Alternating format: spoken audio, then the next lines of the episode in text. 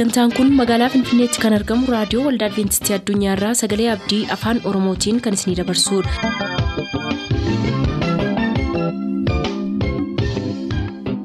harka fuuni akkam jirtu kabajamtoota dhaggeeffattoota sagalee abdii nagaan waaqayyo abbaa bakka jirtan hundumaatti hunduma keessaniif haa ta'u jechaa sagantaa harraaf qabannee isiniif dhiyaanne mata duree ifa dhugaa jedhudhaa qabannee dhiyaanne irraatii ittiin eebbifama.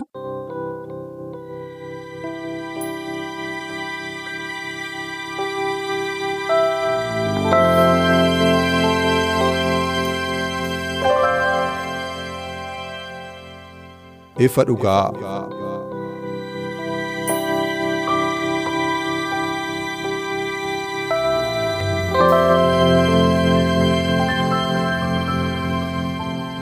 ifa dhugaa.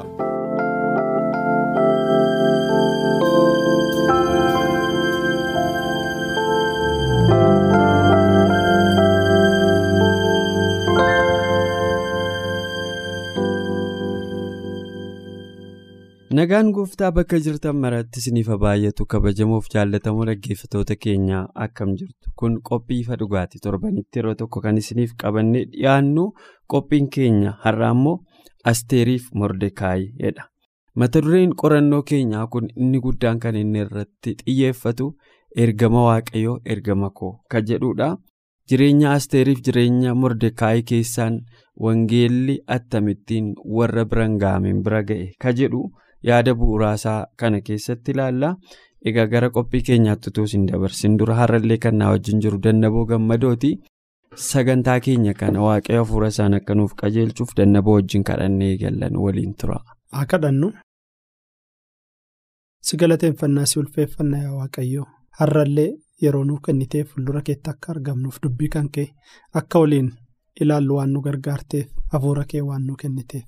Yaa waaqayyo dubbii kana saaqnu ammoo ogummaa kenni beekumsa keenya hunduu gadi bu'eeti. Hafuurri qulqulluun kan kee qofa akka nutti fayyadamu. Ummata bira qaqqabnullee yaa waaqayyo hafuurri kan kee dura qaqqabee wanta amma haasawaa jirru kanarratti hubannoo addaa akka nuuf kennu ati nu gargaarii nu wajjiin ta'e maqaa gooftaa kiristoostiin. Baay'ee fayyaa ta'e dannaboo deddeebitee sagantaa keenya irratti hirmaachuudhaan tumsa qophii keenyaaf nu gochaa jirtuuf ulfaadhu jechuun barbaada. Har'a akkuma jalqaba caqasee qorannoon keenya kun nuusi kun gara xumuraatti dhufaa jira.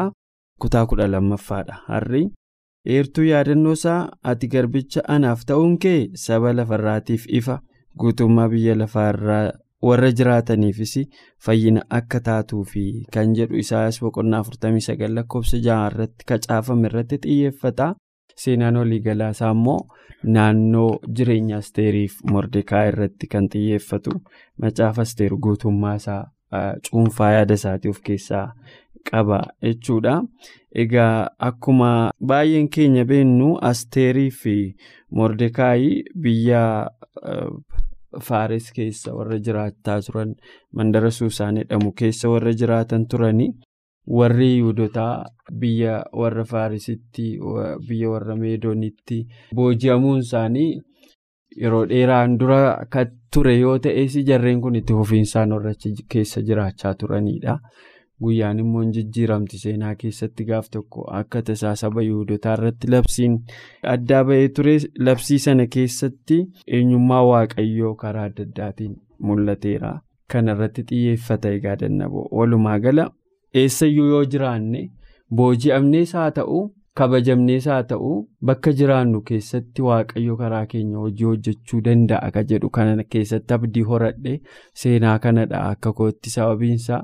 Jarri kun biyya boojuu keessatti namoota kabaja qaban miti isaan qofa miti ijoolleen ibrootaa biyya booji'aman hundumaatti macaafa daani'eliin yommuu qorannu bakka dhaqanitti guca wangeelaa qabsiisaa eenyummaa waaqayyoo sirriitti ibsaa sanuu yeroo rakkisaa yeroo labsii yeroo seerri mootii irratti labsiin addaa labsamee seerri biyyaa yeroo jijjiiramu keessatti.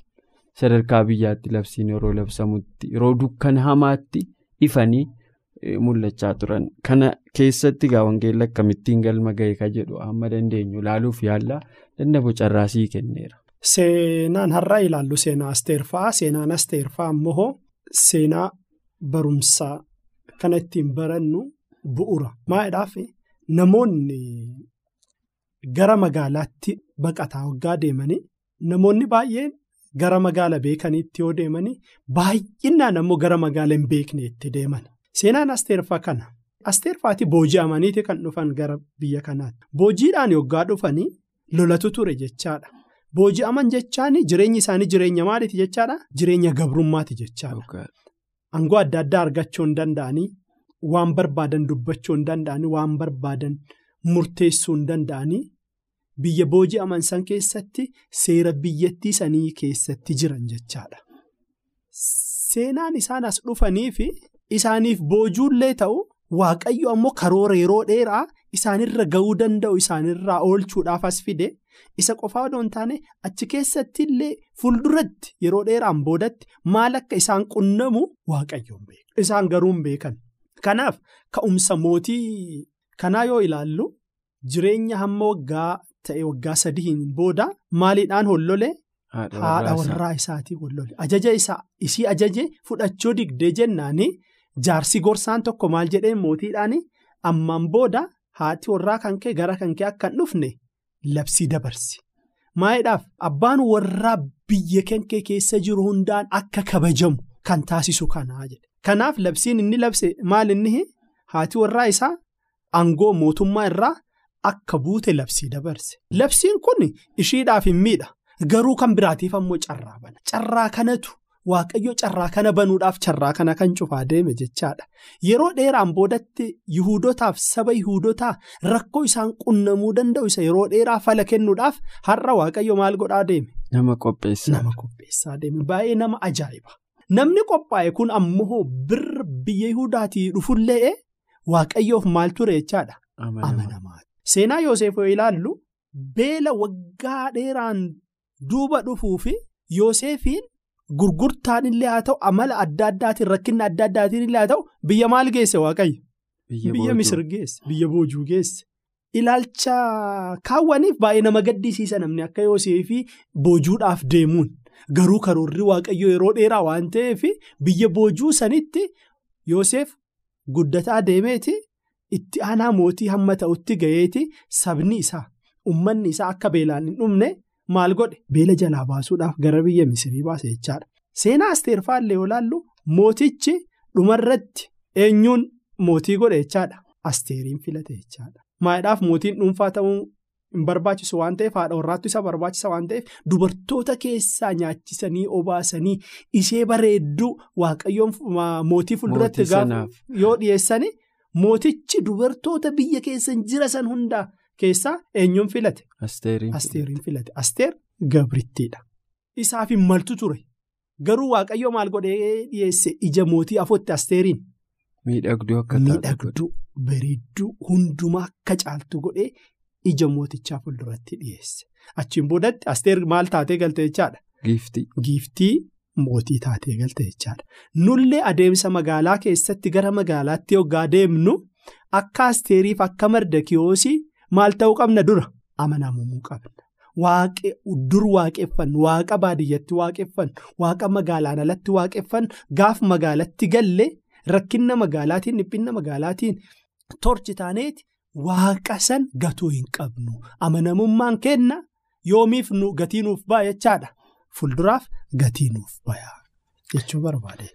Galatoome tuqaa guguddaadha kanatti kaastee seenaan jara kanaa dhugaa dubbachuuf yoo ta'e har'a akka of nu taajjabsiisu nu godha sababiinsa al tokko tokko nuyi karaa baay'eedhaan of tilmaamna fakkeenyaaf mucaa xiqqishoo biyya warra sooriyaatti fudhatamte na'amaanii mootii biyya sanaa hangafa abbaa duulaa jechuun hangafa waraanaa biyya sanaa akka ta'e.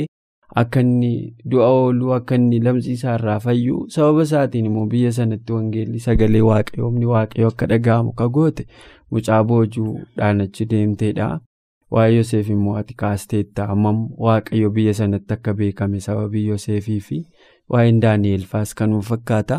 Seenduubee jarreen kana hundumaayyuu yoo qoranne jarreen kun booji'amanii biyya Ibrootaatii gara biyya Ormaa ijoollee Israa'el keessaa gara biyya biraa dhaqanii warra achi jiraatanidha. Anas keessatti maali jechuu dandeenya? Al tokko tokko bookee gurra arbaa lixxeedhu namoonni keenya uumamaa kan arbatu riqicharra ce'aa jiraayyuu akka tasaa gurra isaa urgufateedhama. Achii booda isinitti ulfaadhee mootii yennaanii lakkii an akkati jirtuyyuu hin beeku jedhee arbeedhama. Ilaalcha akkasii qabna al tokko tokko? Biyya hin beekne keessatti qobaa keenya gaafachi keessa jirru maajoriitii kana keessaa maaltu na beeka? Eenyuun na dhagaasanii nama biyya ormaatii innee yeroo nuyi wangeelatti waaqattis leeyyaanu jira. Eenyummaa keenya aayidentiitii keenya yeroon dhoksinu jira. Infaakti aayidentiitii dhoksachuu kana keessa mardekaayifaas waan dhoksan qabu haa ta'u malee parpasiliitti yaadanii dhoksan isaan. Wanta ta'u kanatti gufannaan akka hin dhufneef. Haa ta'u malee. ani iddoo biraa dhiisii yuunivarsiitii gizee deeman isa biyya magaala guguddaa ameerikaa awurooppaa maal adda addaa deemanii dhiisii asuma keessatti ijoolleen mandara isaaniitti waaqa waaqeffachaa turan yuunivarsiitii gaafa dhaqan kan hamma gaafa eebbifamanii ba'aniitti waaqayyoonis namoota xiqqoo amantiitti jajjabaatanis dhokatanii warra jiraatan beekachuudha. Kanneen akkasii kun ergama keenyatti gufuudha.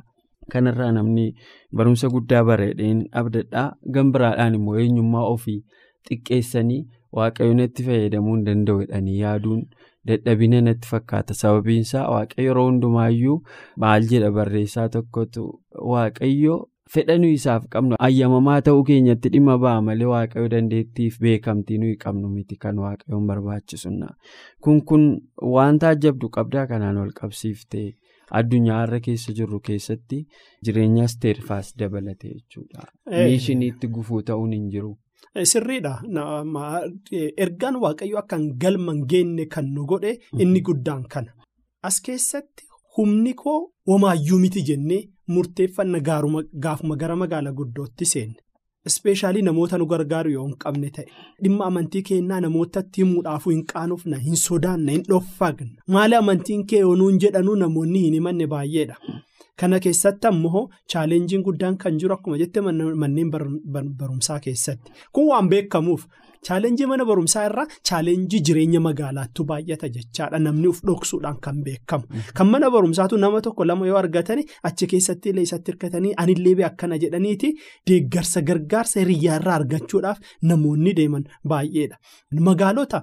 Amantiin namoonni waaqayyoon hin amanne gugurdaa keessatti gaaflinnu akkuma saboota Israa'el waaqeffannaa hamaa keessa lixanii achumaan fudhatametti namoonni baay'een fudhatamanii waggaa dheeraan boodatti nama amantii isaanii argan anillee as dhufe akkana ta'e malee dur akkana turre jedhaniiti. Yeroo aagii galan yeroo ceephaan argina jechaadha. Kana keessatti of eeggannoon inni guddaan maal inni waaqayyoon nu amanne.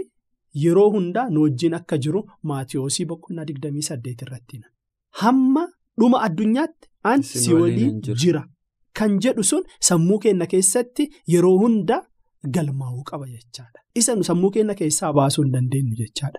Inni itti aanu waaqayyo Paawuloosiin gaafa ergu Paawuloos bu'aa bahii baay'ee keessa darbe. Tumama keessatti ajjeefne jedhanii yeroo itti gatanii deeman. Ammallee Paawuloositti waaqayyo maal jedhaan mul'ataan an. Si wajjin jira waan taateef rakkinni siin qunnamu adeemiidha. Rakkinna saniin kan ka'e Paawuloos akka ofirra hin deebine waaqayyo yeroo hunda maal jedhaan. Itti dubbata jechaadha. Har'a oo nutti dubbataa jira akka Paawuloos itti dubbataa jiru. Ee nutti dubbataa jira. Maaliin nutti dubbata? Hafuuraan nutti dubbata. Kanaaf Paawuloos roome irratti yoo barreessu wanti isin gootan gaarii ta'uuf hamaa ta'uu isaa hafuurri isin keessa jiru hafuura san wajjin maal jedha jedha. Isiniif raggaasa. Ragaa isiniif bayaa dhugaa isiniif bayaa jedha. Wanta gaarii gaaf goonu sammuun keenna nutti hima. Wanta hamaallee yoo goonu sammuun keenna nutti hima kun gaarii mitii uf baasii isirraa deebii jedhee nutti hima jechaadha. Seenaa Daani'eel fa'aa illee yoo laallu biyya boojuu dhaqan san keessatti wanta dhoksantu jira wanta himantu jira. Wanti dhoksanii waaqeffannaa isaanii dhoksaniiti aadaa keenna keessatti waan akkanaa nyaachuun hin baramne. Kanaaf.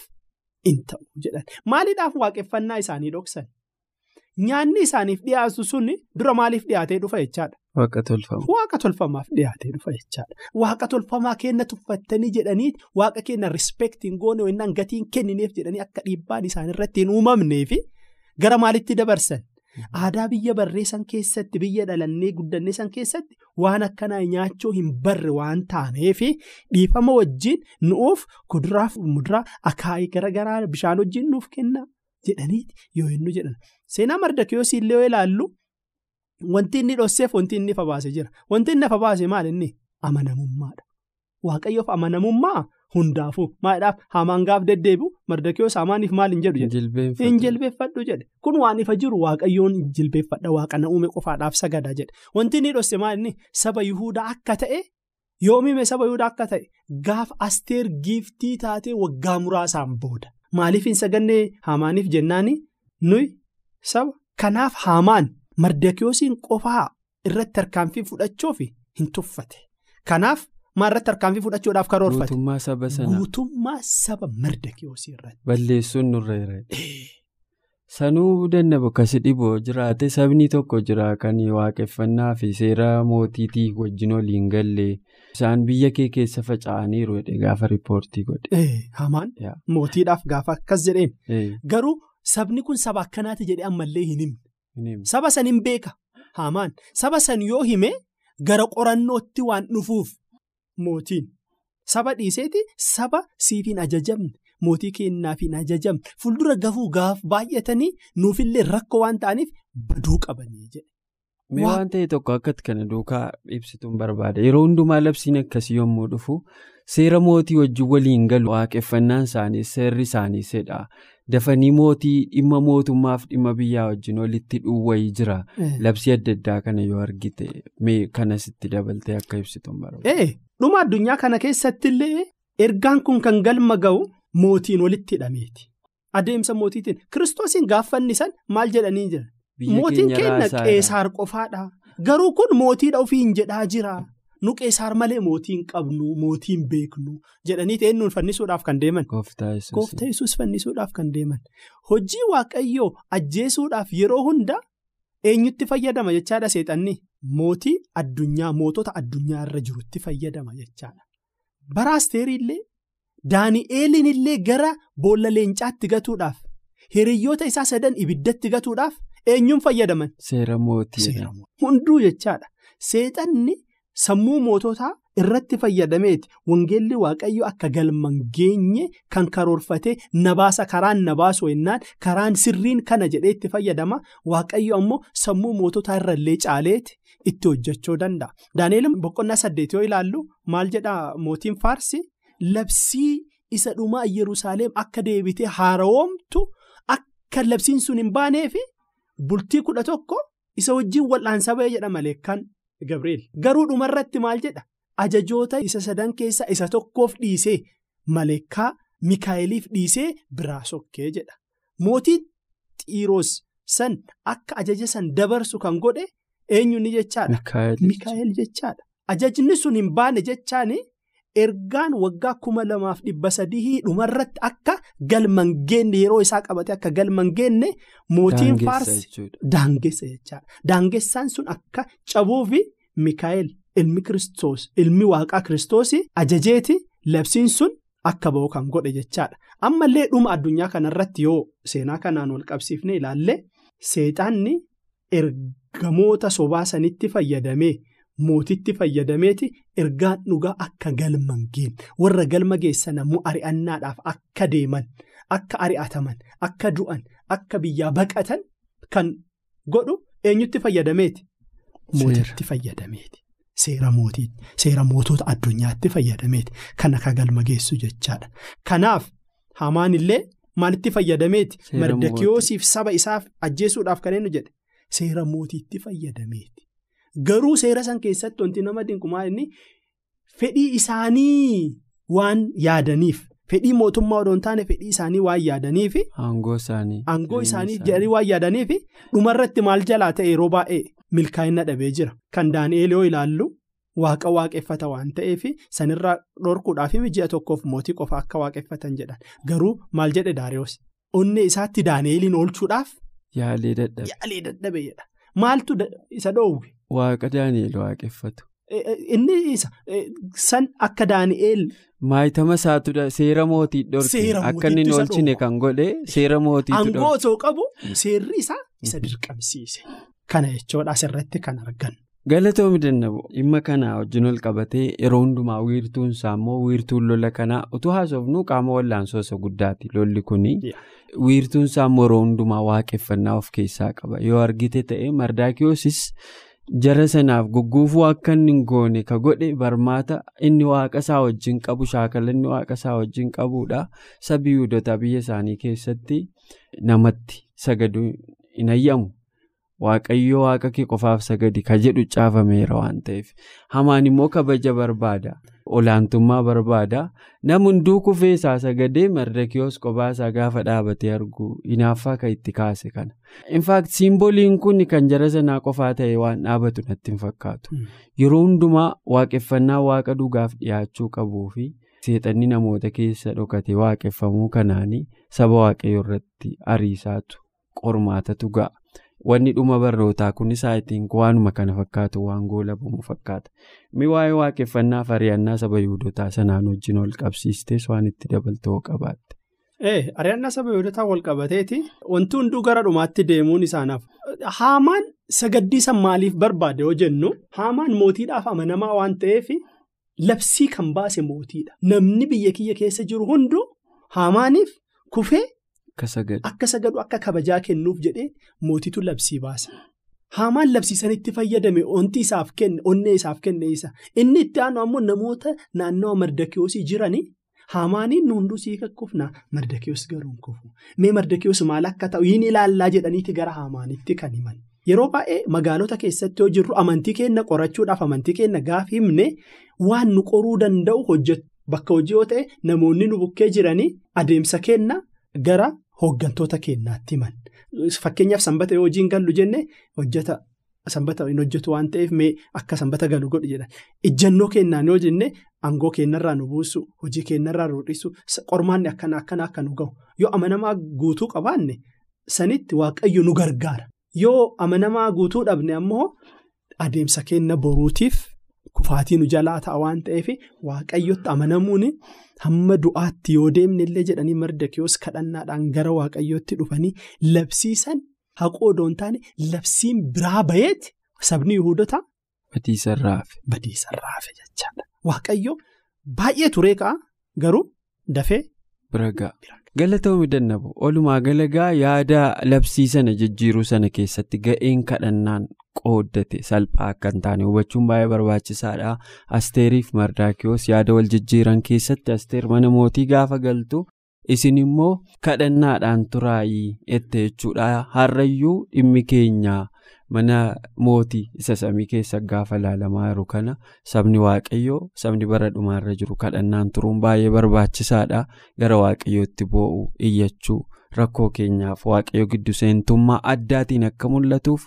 waan nurraa eegamu kadhannaa addaa nu barbaachisaa dheengoo labuu barbaada ka'aafu qorannoo keenya isa dhumaa torban isiniif qabannee dhiyaannaa har'aaf ka jenne asirratti goolamneerra nagaan nuuf tura.